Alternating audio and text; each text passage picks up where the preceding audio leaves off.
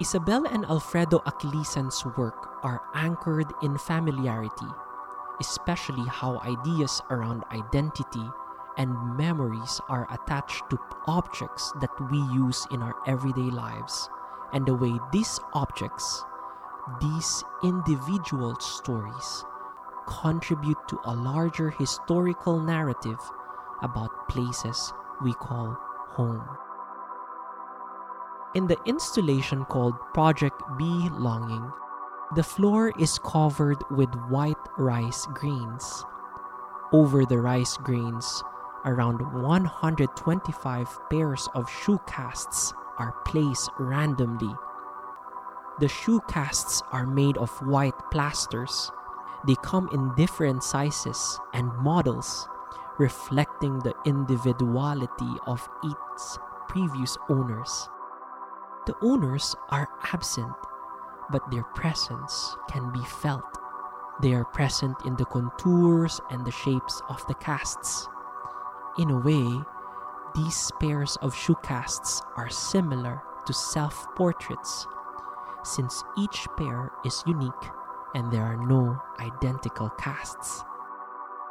The artists have previously exhibited another version of this work at the Asian Art Museum in Fukuoka, Japan in 1999. In the traditional Japanese culture, rice symbolizes harmony between humans and forces of nature.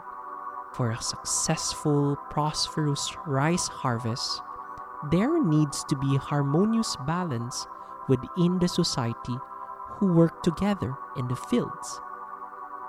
This work invites us to think about our own journey and our place in the world. How have our experiences shaped our individuality, and what can we contribute to our community?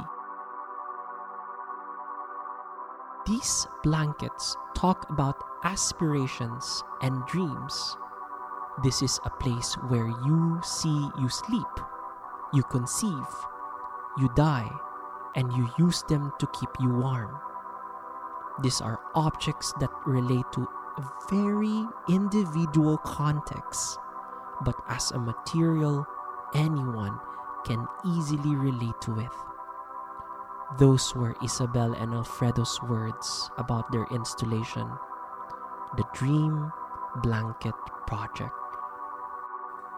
Dream Blanket Project is a collaborative art project involving various local communities and has been presented in a number of countries, including the Philippines, South Korea, Japan, the United Kingdom, and now Indonesia. On the wall, you will see hundreds of folded, used blankets which have been individually donated by individuals to create this installation. The blankets are accompanied by voice recordings by the blankets' owners narrating their dreams. The blankets, which are often associated with warmth, comfort, and security, become a powerful symbol of the experiences and stories of the people who donate them. Visually, the colors, materials, and motifs found in the display of blankets changes from each area. Cultural differences, climates, and even economic conditions become apparent as the works are presented in new places.